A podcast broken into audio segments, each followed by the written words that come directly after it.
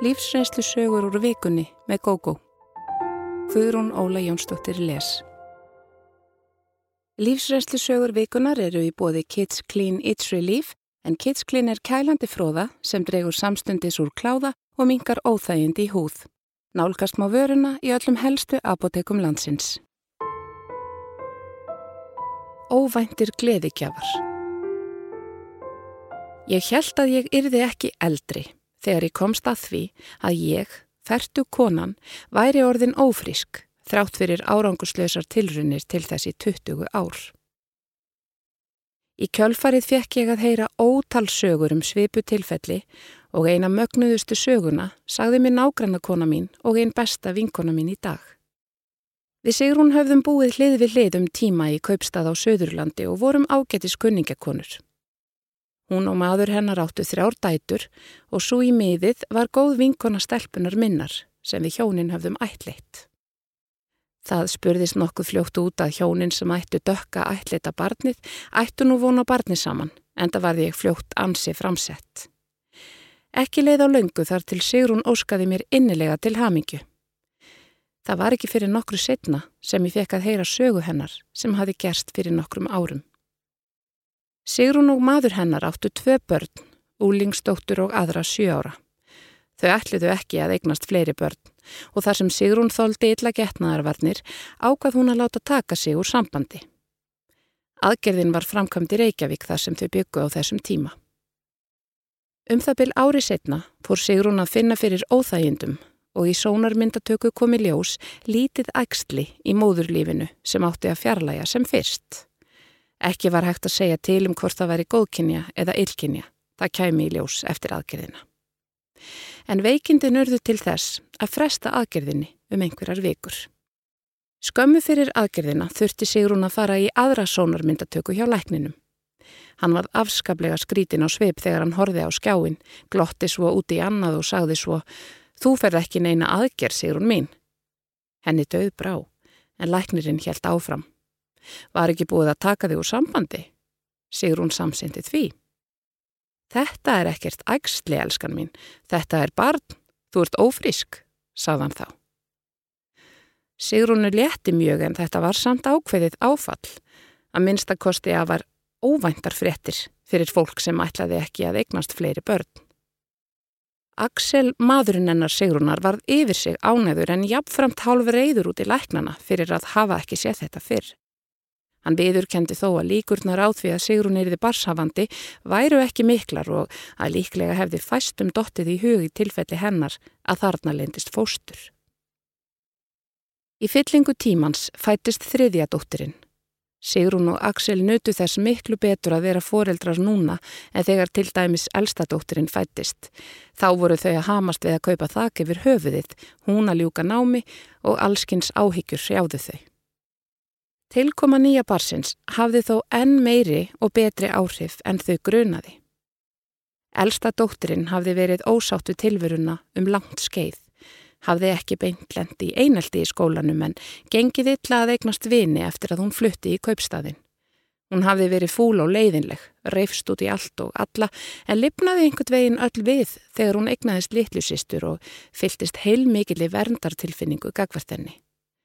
Og bara við það hvernig hún sjálf breyttist og varð gladari og ánægari með lífið, hafði líklega þau áhrif að hún sendi frá sér öðruvísi ströyma en áður og nú varð ekkert mál fyrir hann að eignast vini. Litla barnið sem aldrei átti að verða til varð mikil gleðikjafi og breytti einhvern veginn öllu andrumslofti á heimilinu en vanafestan hafði verið orðin alls ráðandi.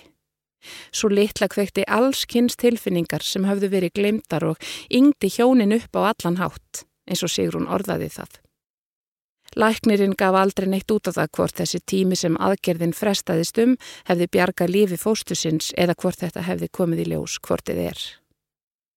Meðganga mín gekk ágætlega og tæpum tveimur vikum fyrir tíman kom sónur minn í heiminn.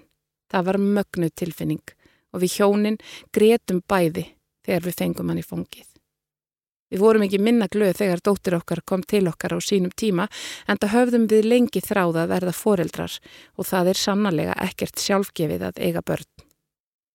Ég hafði vissulega heyrt að það væri mun auðveldar að eignast börn fyrir á lífsleiðinni en þarna hafði ég fengið hálft ár til að undirbúa mig andlega.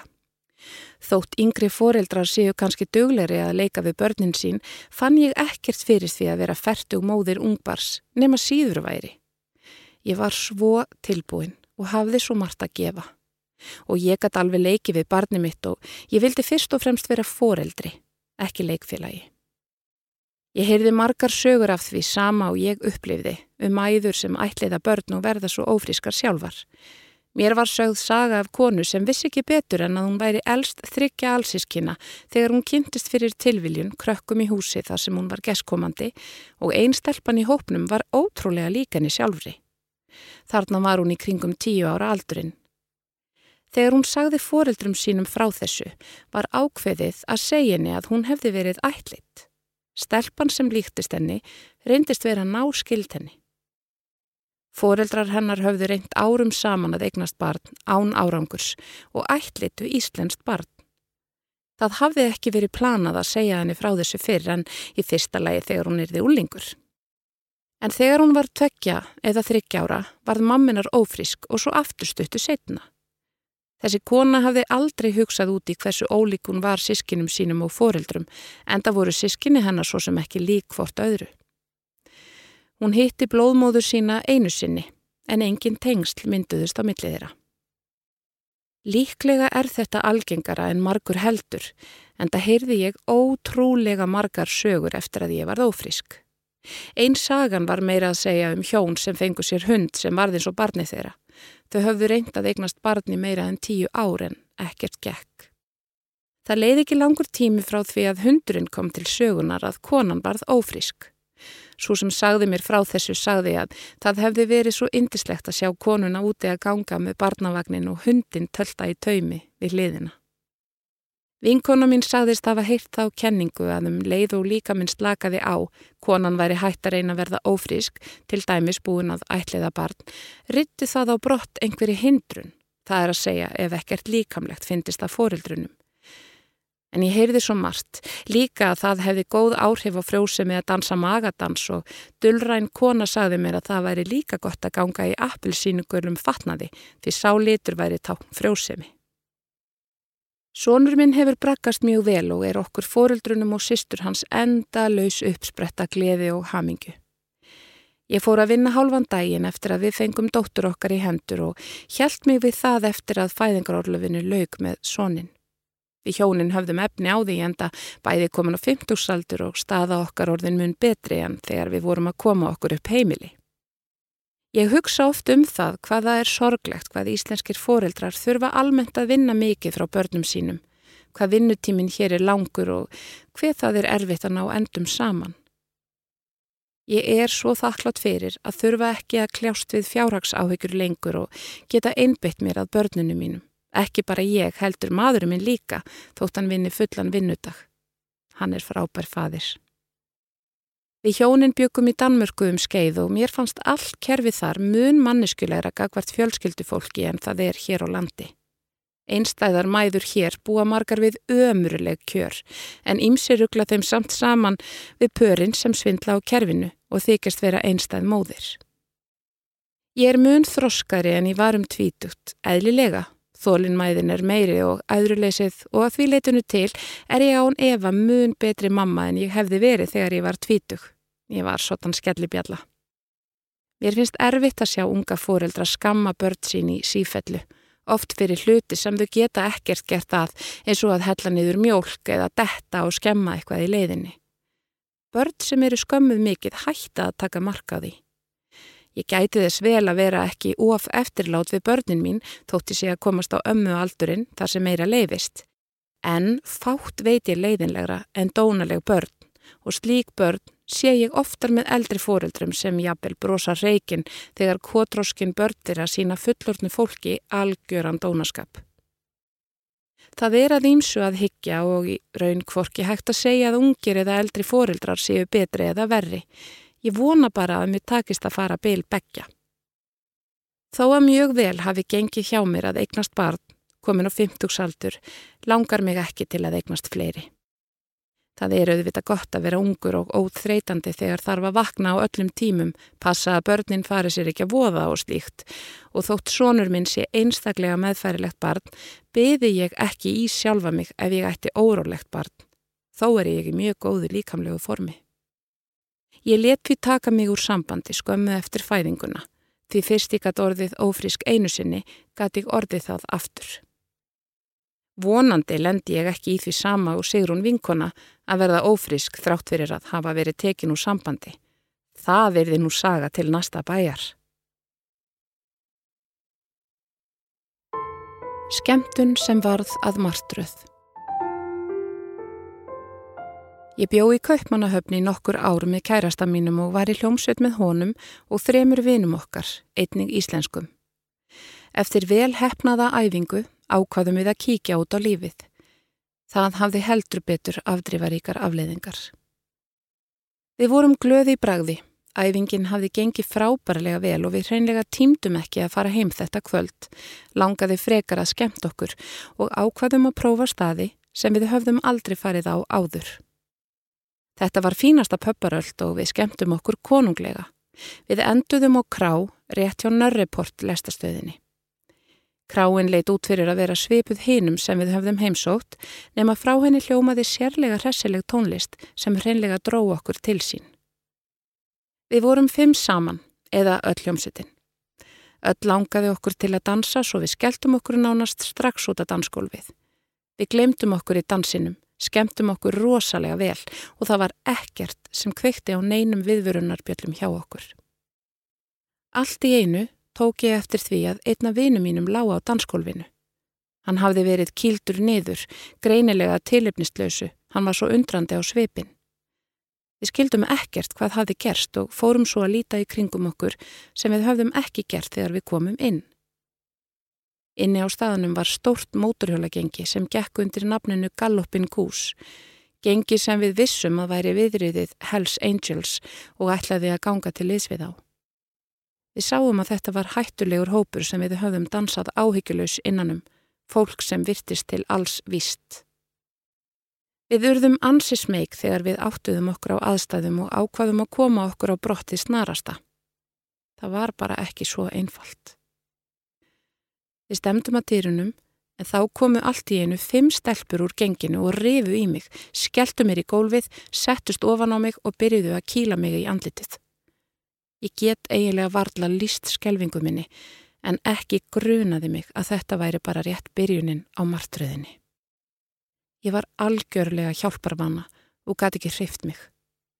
Þegar vinir mínir ætluði að koma mér til hjálpar stegu fram ábyggilega tíu menn sem hótuðu þeim barsmýðum ef þeir reyndu nokkuð. Eftir skammastund sem mér fannst reyndar heil eilífð sleftu stelpunar mér lóksins og okkur tókst að komast út. Ég tek það fram að ég hafði ekki augrað einum eða neinum þarna inni, allra síst þessum stelpum sem reyðust á mig.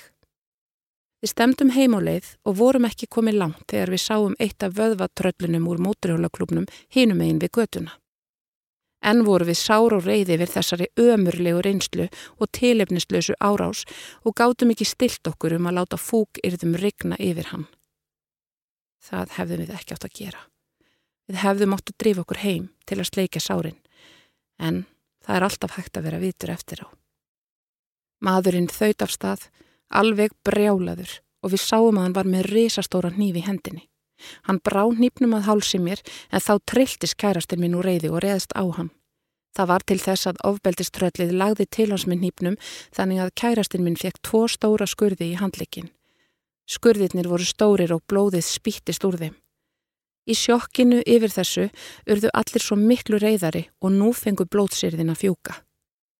Við slupum loks frá manninum og ákvaðum að fara á sjúkrahús til að láta sauma sárin á kærastanum mínum. Tveir vina okkar urðu eftir hjá ofbeldismanninum og börðust við hann. Annar þeirra fekk nýfstungu í magan en hinum vini mínum tókst að handlegsbrjóta tröllið með treklossa sem hann gekk í. Sá þriði fór með okkur á bráðamótökuna. Ekki voru margir leigubílar á ferðinni og líklega vorum við kærustu parið ekki gyrnilegustu farþegarnir til að taka upp í. Það sást greinilega á okkur að við höfðum lendi riskingum og svo blætti mikið úr kærasta mínum. Loksin stoppaði þó einn, en leigubilstjórin ætlaði ekki að vilja hleyp okkur inn í bílsinn vegna alls blóðsins, en um leið og við höfðum sett jakka yfir sárin var bílstjórin viljúri og óg með okkur á bráðumútöku sjúkrahúsins.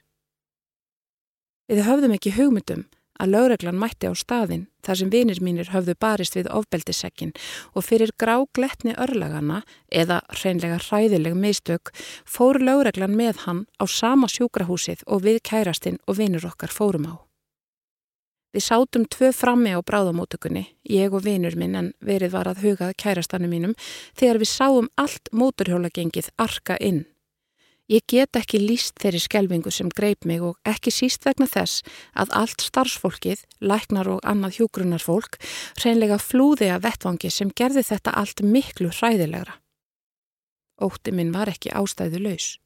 Einn úr genginu gekk beint að mér og sló mig svo fast utanundir að ég fjell niður á gólfið og hljóðhimnan í eiranu þeim megin sem hann sló mig sprakk. Ég held að okkar síðasta stund væri runnin upp því gengið bjósir hennilega undir að ganga frá okkur, heyrðist mér á öllu. Á síðustu stundu kom þó lögreglan á staðin og bjargaði okkur. Okkur var nánast fleikt út af sjúkrahúsinu, svo hratt var okkur komið út, baktir að megin. Kærastinn minn hafði verið saumaður saman, öllu heldur sárin rimpuð saman í svo miklum flíti að hann bar lengi vel ansi ljót, rauð og uppleift ör. Það þarf nú eflust varla að taka það fram að við vorum öll í algjöru losti. Búið var að ringja á leigubil fyrir okkur og þegar við vorum komin inn í hann fórum við allt í einu að spyrja hvert annað hvað hefði eiginlega orðið um nýfin. Vinur okkar saðist vera með hann í bakinu og við fengum taugaveiklunar kjent láturskast. Vinur okkar sem hafði verið stungin í magan var þarna komin á sjúkrahús. Stungusárið var alvarlegt og það tók hann marga mánuði að jafna sig alveg. Laureglan talaði við okkur í kjálfarið og við vorum spurð hvort við vildum kæra árásina, ekki þessa inni á kranni, heldur nýfa árás ofbeldiströlsins. Í raun og veru vorum við aldrei miklum vafa um það. Maðurinn átti ekki að fá að komast upp með þetta, ekkert okkar vildi það, en vissulega gerðum við okkur grein fyrir þeirri hættu sem við settum okkur mögulega í með því að kæra. Það komi hótanir um skjelvilega hluti sem myndu henda okkur ef við heldum kærunni til streitu, en við gáum okkur ekki. Okkur var sagt að lögreglan hefði lengi reynd að koma lögum yfir þennan mann sem var þekktur ofbeldismadur og hafði framið margar hræðilega glæpi án þess að hafa fengið refsingu fyrir. Þess þá heldur að koma þessu ógeði af götunni. Vittna leiðslutnar fóru fram fyrir luktum dyrum sem betur fyrr. Þegar meðlimir úr svona gengjum eru fyrir rétti, fjölmenna félagarnir koma jafnvel frá fleiri löndum til að sína samstöðu og sína fórnarlömpunum að hótunum verði fyllt eftir. En með því að hafa vittnaleðslutnar lokaðar var séð fyrir því að ekki væri hægt að beita okkur hótunum. Maðurinn fekk sex ára fangelsistóm fyrir líkamsárás og tilraun til mandráps. Við letum þetta ekki hræða okkur til þess að flytja aftur heim til Íslands, okkur gekk og vel ytra til þess. Við byggum í Kaupmannahöfn næstu fimm árin um það byll, áður en við heldum heimálið. Kærastinn minn varð síðar eiginmaður minn og er enn og tvö eldstu börnin okkar fættust í Kaupmannahöfn. Við rákumst aldrei aftur á þetta móturhjólagengi en það forðuðumst við að koma nálagt þessari krá sem var greinilega á yfiráðasvæði gengisins án þess að við hefðum haft hugmynd um það á þeim tíma. Óttinn satt lengi í mér. Ef ég sá mann í leðurjökka fór ég yfir götuna til að þurfi ekki að mætunum. Jafnvel þótt augljóst væri að hann væri ekki í móturhjóla gengi. Þetta síndi mér hvað svona árásir geta haft langvarandi áhrif. Maðurinn minn ber enn örin á handlegnum eftir árásina. Þau hafa vissulega dopnaði áranar ás en minn okkur alltaf á þetta skjelvilega kvöld þegar saklu skemmtun var það algjör í martröð. Fyldi hjartanu Vinkona mín á nokkur ástarsambönda baki, yfirleitt við svo kallaða plastpokakarla sem voru fljótlega fluttir inn til hennar með pokan sinn. Hún hefur alltaf verið hardugleg og góð manniska og þessir menn kunnu að nýta sér það. Það var ekki fyrir nún kynntist Aronni að allt breytist. Gunna er elst fjögur að sískina og þurfti snemma að bera ábyrð á heimilinu. Pappinar var sjómaður sem kom sjaldan í land og mamminar var mætt í fristihúsið klukkan 6 alla morgna. Það kom því hlut Gunnu að koma sískinum sínum á fætur, búa til nesti og koma þeim í skólan. Á kvöldin tók mamminar oft aukavaktir við þrif þannig að þá sá Gunna einnig um kvöldmatinn og að koma þeim yngstu í háttin. Gunna hafði því lítinn tíma til að sinna sjálfri sér á unlingsárunum og ofan á þetta byrjaði hún sjálf snemma að vinna með skólanum. Hún fitnaði, hafði sig lítið til og hafði ekkert sjálfströst þegar komast rákamálum. Hún egnaðist fyrsta kærastan þegar hún var 20 og 30 ára. Það var fyrsti kallmaðurinn sem síndi henni einhvern áhuga og það kitlaði hana náttúrulega þótt hann væri óttalegur durgur. Þau fóruð að vera saman og fljótlega var hann fluttur inn til hennar í íbúðina sem hún legði. Hann endi lítið að vinna og hún hjælt honum nánast uppi. Stundum þegar ég var í heimsón sagði hann ljóta hluti við Gunnu og hættist að vakstarlagi hennar. Ég hafði miklar efasemtur um sambandið og rætti það við Gunnu en hún sagði að hann væri bara að gantast og væri mjög góður við hana. Ástandið áttu þó bara eftir að versna. Hann hætti alveg að vinna, hjekk heima yfir tölvu og sjónvarpi, reykti og drakk. Þegar Gunna kom svo döðþreytt heim úr vinnu uppnemdi hann hana og kallaði hana letihug ef hún brást ekki strax við beini hans um að fá kvöldmatt. Sem betur fyrr fekk Gunna nóg á endanum og hendunum út þá búin að vera með hann á heimili sínu í tæp tvö ár. Sem betur fyrr fór hann möglunar laust með pókan á bakinu og ég veit að hann fekk inni hjá fóreldrum sínum. Gunna var frekar brotin eftir þetta en samt alltaf svo sterk að ég reynlega dáði staðinni. Hún helt áfram sínu streki vann mikið og var bara frekar ánað með lífið. Sískinni hennar leituðu mikið til hennar og henni fannst gaman að geta aðstóðað þegar þau þurftu. Hjá henni hefur alltaf verið opinfaðmur. Næst var það tveggjabarnafaðirinn, Óli, sem flutti inn. Hann var mikið fórnarlamp og í sárum eftir að barsmóður hans hafi skili við hann. Hann var svona túramaður, tók góðar vinnutarnir en datt illa í það inn á milli. Hann legði eitt herbyrgi og hafði ekki skaplegar aðstæður til að taka á móti börnunum sínum. Hann var ekki lengi að tala sig inn á gunnu, sagðist yfir sig ástfangin af henni, sem hann kannski var, og hún hreifst með. Áður en við vissum var hann fluttur inn til hennar með pókan sinn. Gunna byrjaði strax að reyna að laga sambandið millir hans og barsmóður hans og búa þannig um hnúta að börnin getur reglulega verið hjá þeim. Tók skrifstofuna inn í sitt eigi svefnherbergi og útbjó barnaherbergi á örstutum tíma.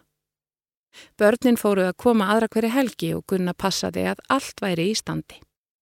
Þetta gekk ágætlega til að byrja með, en með tímanum fór Óli að vera minna og minna heima, sérstaklega á pappahelgum, en alltaf tók Gunna á móti börnunum með brós á vör.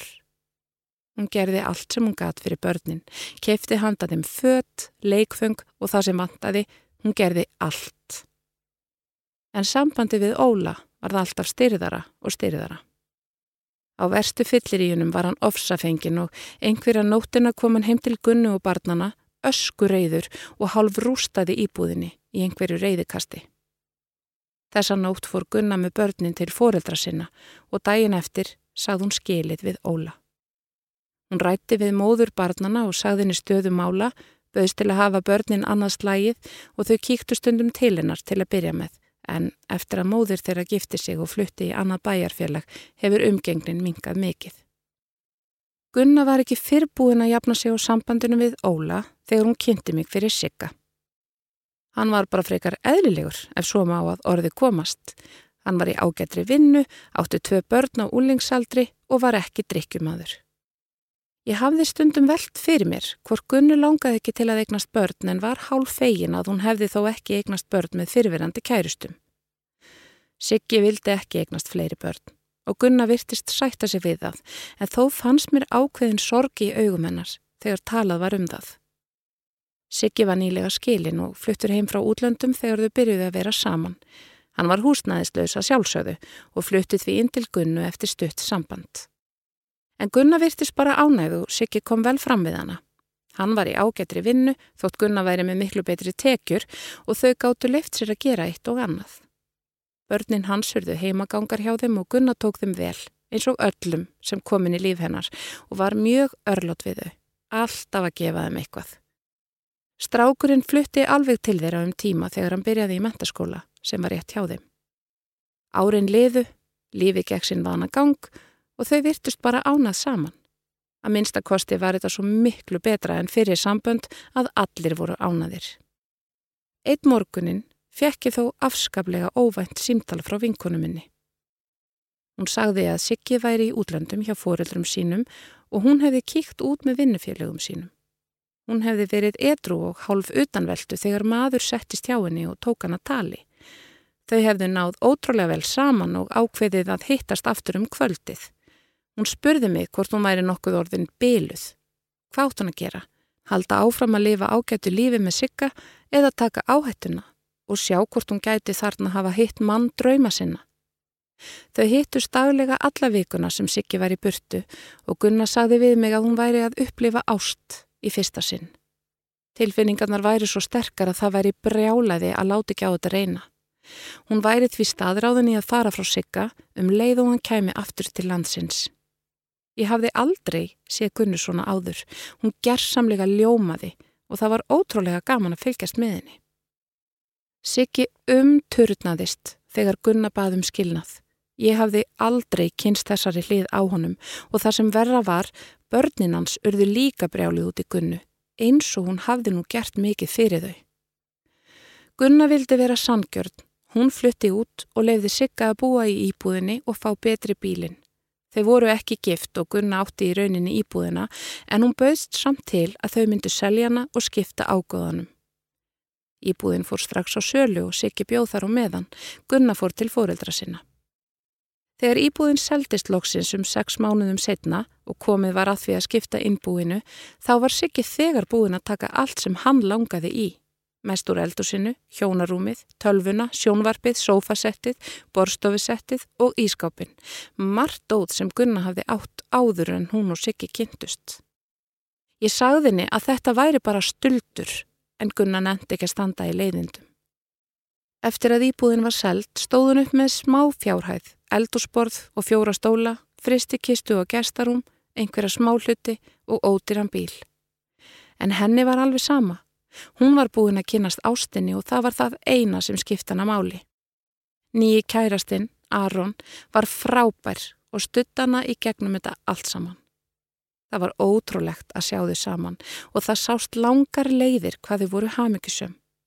Hann var engin pókamaður, bara flottur, sjálfstæður maður sem var í góðri vinnu og bjóði fítni íbúð. Hann átti einn uppkominn sonur fyrir sambandi og var nýlega orðin afi, aðeins 45 ára gamal. Gunna var 38 ára og Aron var meira en til í að eignast fleiri börn. Þau ákvaðu því að skella sér í máli þar sem tíminn var skammur. Til að gera langa sögustutta þá seldi Aron fljótlega sína íbúð, þau keiftu sér aðra saman og fyrsta batni þeirra fættist um einu og hálfu ári eftir að þau kynntust. Gunna var 41 ást þegar batnum með tvö fættist og þá ákvaðu þau að gifta sig. Ég held að megi segja að ég hafi aldrei farið í fallegra og bjartara brúðköp og ég er rosalega ána með að vinkona mín skuli hafa fyllt hjartanu þegar Ástin bankaði upp hjá henni.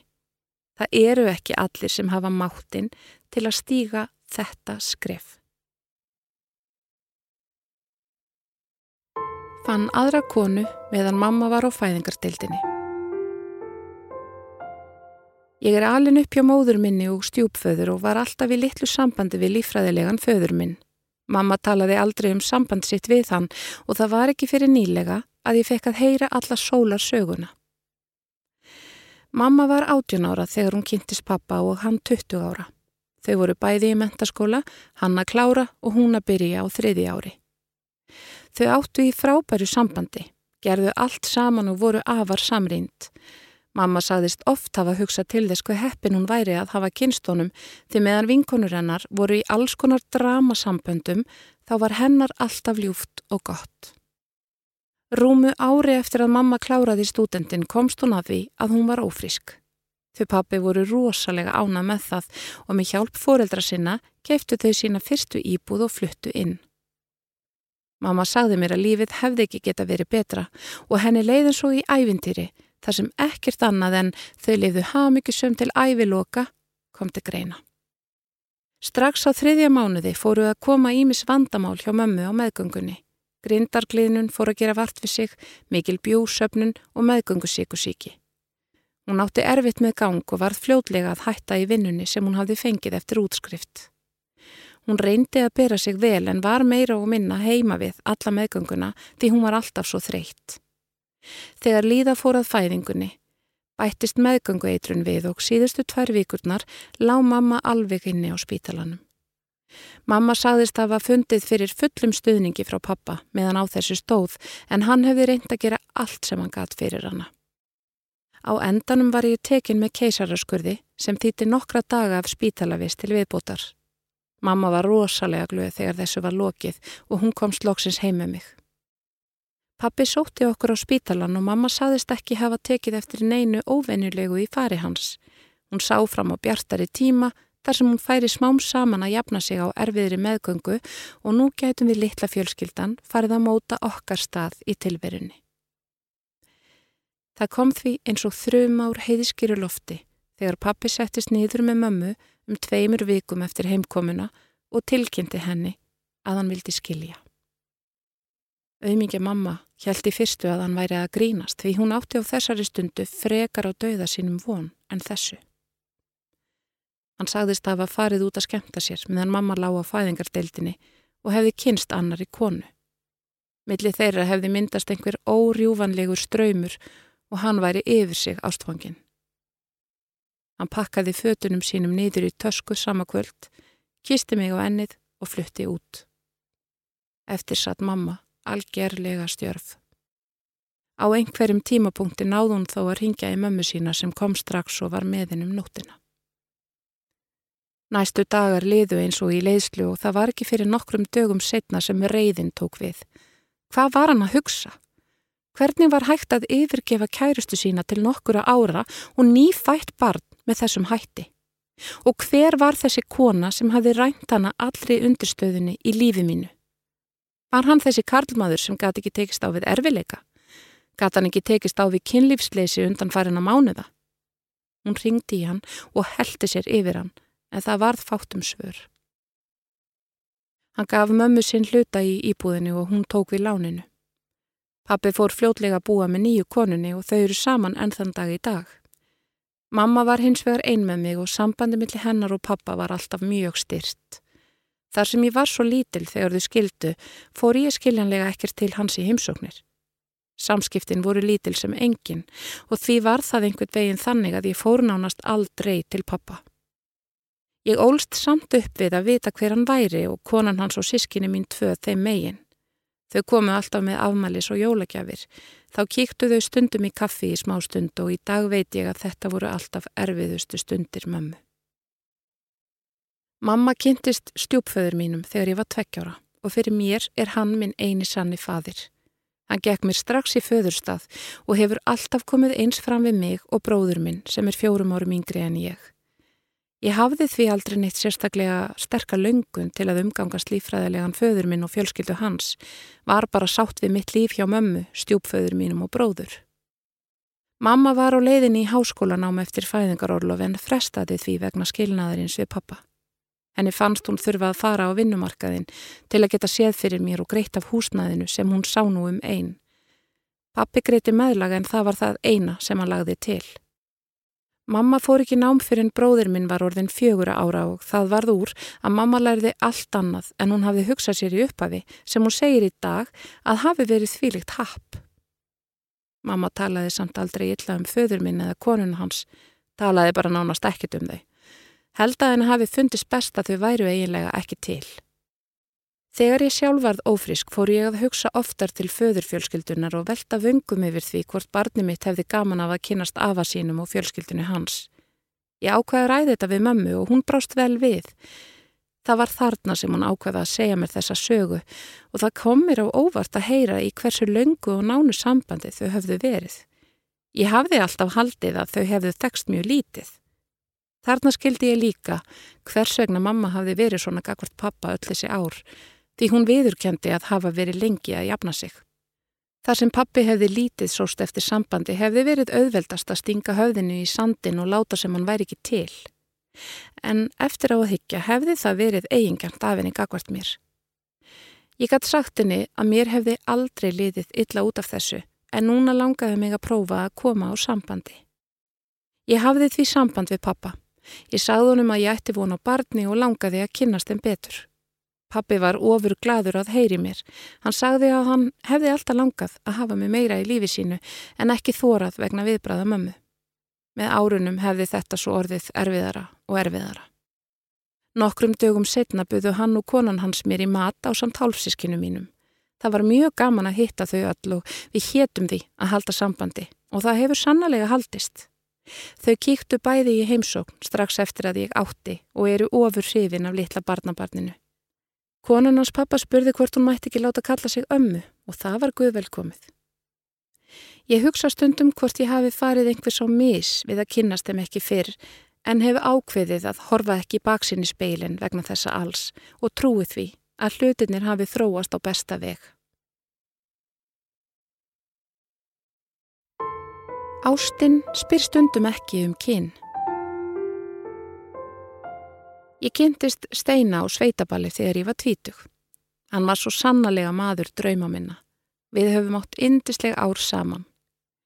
Tíu árum eftir að samband okkar hófst stóð ég frammi fyrir erfiðustu ákverðun lífsmins. Ég þurfti að gera mig grein fyrir því hvað ást er. Er hægt að elska mannisku fyrir að vera hún, sama í hvaða líkama hún er. Þegar ég var ung hafði ég vissar hugmyndur um ástina. Hún var eitthvað yfirnáttúrulegt og ómótstæðilegt í mínum huga, eitthvað sem gatt sigrað allt. Ég var ung þegar draumarnir um fjölskyldu og eiginmann fóruð að gera vart við sig. Ég var bara svo týpa, týpan sem hafði ekki þörf fyrir allt félagslífið. Ég vildi ást og fjölskyldu. Ég fóri gegnum táningsárin með þessa glansmynd í huganum. Ég fór á nokkur stefnum út í framhaldsskóla en ekkert hitti í mark. Það hafði enginn þau áhrif á mig sem dagdraumar mínir sögðu mér að ástinætti að hafa. Það var því ekkert hún einu. Ég er alin upp í litlum bæ út á landi. Það var ekki margt um mannin þar. Ég sóti framhaldsskóla í næsta bæ og þekkti því flest alla sem ég eitti þessum árum með. Það var síðan eitt daginn sem við vinkonurnar ákvaðum að fara á sveitaball að lífið breytist. Ballið var í töluverðri fjarlægð frá heimabæi okkar. Þetta var um sumar og því fannst okkur kjörið að kippa bara með okkur tjaldi og gista á nálagu tjaldsvæði. Ég hlakkaði mikið til því það var ekki oft sem við fórum í svona ferð saman. Ballið var indislegt. Ég var rétt búinn að stíga inn á dansgólfið þegar allt í einu var grepið í mig og mér snúið í ringi. Ég vissi ekki hvað var að gerast en hlóð þessi ósköp.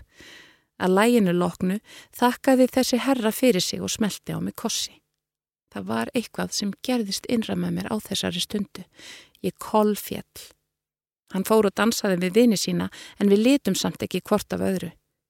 Eitt leiti af öðru og áður en ég vissi af var ég komin út í móa með hann mér við lið. Ég svaði ekkert um nótina, við sátum og spjöldluðum og á þessari stundu vissi ég að hann væri maðurinn sem ég langaði að vera með. Nótin leið rætt og þegar kom að því að fara heim ákvaðum við að hittast helgina eftir. Hann var úr Reykjavík og ætlaði að gera sér ferði heimabæmin, engungu til að hitta mig. Ég man enni dag spennuna og eftirvæntinguna sem ríkti alla vikuna. Beðin var laung og erfið að mér fannst. En loksins kom hann og við smullum saman. Eftir þessa helgi vildum við ekki hvort án annars vera. Hann leita á það sem ævintýri að flytja í lítinn smábæi út á landi sagði að sér leitis hvort eðir í vinnunni og hefði alltaf langa til að verða bóndi. Sumrinu eittum við í sittkorum landslutanum. Þegar haustaði kom að því að við fundum okkur lítið hús út í sveit til að leia og þar með hófst sambúð okkar Steina. Steini var ekkert að ljúa þegar hann sagði við mig að hann hefði átt að drauma verða bóndi. Um leið og við fengum litla sveitabægin okkar á leigu hófst hann handa við að fá dýr og annað til okkar. Ég hafði klárað skólan um vorið og vann í kaupfélaginu. Hann fekk vinnu við fiskverkun en honum leytist það fljótt. Hann var samt einstakur að finna það jákvæða í hlutunum og það var það sem heitlaði mig við hann frá upphafi. Árin liðu og við eignumst tvö börn. Fyrstu árin voru draumur. Þetta var eiginlega of gott til að vera satt, eins og stundum er sagt. Við eignuðumst stelpu og strák með tveggja ára millibili. Steini tók föður hlutverkið af fullri alvöru. Stundum uppliði ég að hann væri að bæta fyrir eitthvað sem fadir hans hafði ekki gefið honum í æsku. Steini var fyrsta og það má segja eina ástinn mín. Ég kifti mér því lítið upp við hluti sem teljast ekki eðlilegir í samböndum. Kynlíf okkar var svolítið skrítið og hann átti það til að spyrja mikið út í allt varðandi konur. Hann hafði einstakann áhuga á líkama kvenna en mér fannst það fallegt. Hann var líka einstaklega næmur. Vinkonur mínar áttu það til að fýblast með að hann væri einn af okkur. Hann let sér varða um hluti sem mennitni þeirra gerðu ekki. Eins indislegur og steini minn var, þá fannst mér alltaf skrítið að hann sagði alveg skili við lífið sem hann átti áður en hann kynntist mér. Það fylgdu honum engir vinir. Hann var í litlu sambandi við fjölskyldu sína. Fóreldrar hans voru í eldri kantinum og pappi hans var látin þegar við hófum sambúð. Mammas var komin á elli heimili. En þegar við hittum hann að sagði hún alltaf að hann steini sinn hefði verið sérstakt barn. Hann hefði þurft að hafa fyrir lífinu. Þegar ég spurðan út í þetta fekk ég lítið um svör. Hann sagði mömmu sín að hafa ofvernda sig sem barn. Með árunum fann ég samt á honum að hann leindi einhverju fyrir mér. Hann var ekki allur þar sem hann var séður. Það gerðist svo einn daginn að steini kvarf. Hann fór út um morgunin en kom ekki heim aftur þann daginn. Ég reynda að ringi hann en slögt var á símanum hans. Ég spurðist fyrir um hann en enginn virtist að fara séðan. Ég talaði við laurugluna á svæðinu og þeir sögðust ekkert geta gert neitt í málinu strax. Ég varði viti mínu fjæri af fræðslu því þetta var ólíkt steina.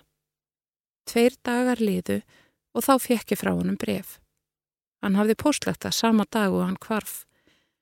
Brefið var langt og innilegt og ég get ekki haft orð á því hvað ég feldi mörg tár við lestur þess. Steini sagði mér frá lindarmálum sínum í þessu brefi. Hann sagði af hverju hann forðaðist að ræða æsku sína. Sagði mér frá einelti sem hann varð fyrir og af hverju hann ættið enga vini. Hann hafi byrjað nýtt lífi með mér, líf sem hann óskaði svo heitt að geti gengið upp. En hann áttaði sig á því að hann gæti ekki breyti hver hann er. Frá unga aldrei hafði hann vitað að hann væri í raungum líkama. Þegar hann var barn hagaði hann sér eins og stelpa, ekki eins og strákur, eins og líkami hann sagði tilum. Hann varð fyrir miklu aðkasti og með tímanum lærði hann að bæla niður þessa líðan sína. Hann sagðist aldrei hafa hallast að karlmönnum, hann væri ástfangin af mér, en hann hefði ekki þórað að standa fyrir framann mig og segja mér þetta. Nú væri hann búin að leita sér leiða til að koma hlutunum í ferli og ætlaði að verða konan sem hann þráði alltaf.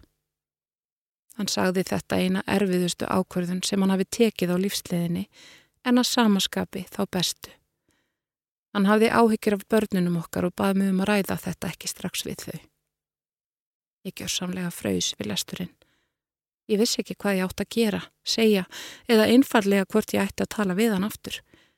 Það bærðust með mér alls konar tilfinningar en það sem stóð alltaf upp úr var samt ást mín til steina. Hann var ástin mín eina, en gæti ég elskað hann sem konu. Dagarnir liðu og ég heyrði ekkert frá steina. Ég reyndi sjálf ekki að ná í hann. Ég þurfti að átta mig. Átta mig á mínum tilfinningum, ræða við fólkið í kringum mig og finna út hvernig ég ætti að takast á þetta. Vinkonur mínar brúðust misjaflega við. Sumar sögðu að ég væri gagnkynneigð að auðvita gæti ég ekki verið með konu. Aðra reyndu að vera eins opnar með þetta og þar gátu. Eins og áður þá skortir mig orð til að lýsa þeim tilfinningum sem bærðust innra með mér. Það kom svo að því að steini minn byrtist á tröppunum heima. Hann leiti illa út en samt var einhver ró yfir honum sem ég hafði ekki upplifað áður. Þegar ég sá hann, gerðist eitthvað innra með mér. Ég áttaði mig á því að ég er ástfangin af honum. Ég er ástfangin af personunni hans, mannuskinni sem hann er, ekki kyni hans. Við áttum langt og mikið spjall næstu daga og ég sagði honum að ég myndi standa með honum. Ég þyrti að taka eitt dag í einu og kannski myndi ég hætta við. Hann samþykti það. Nú eru liðin sex ár og ég á bestu konu sem ég gæti hugsað mér. Ég er ástfangin upp fyrir haus. Stundum er ástin ekki bundin kyni. Ég hef lært það með tímanum. Það hafa ímsir erfiðleikar mætt okkur á leiðinni og þá aðalega fordómar. Það er önnur og laung saga hvernig við tókumst á við þetta með börnunum en í dag líður öllum vel. Við erum bændur og börnin orðin stór. Við erum hamyggisamar og þessi erfiðasta ákverðin lífsmýns var til þess að ég lærði að sjá hlutina og lífið í nýju ljósi. Ég tókst á við eigin fordóma og hlusta ekki á fordóma annara.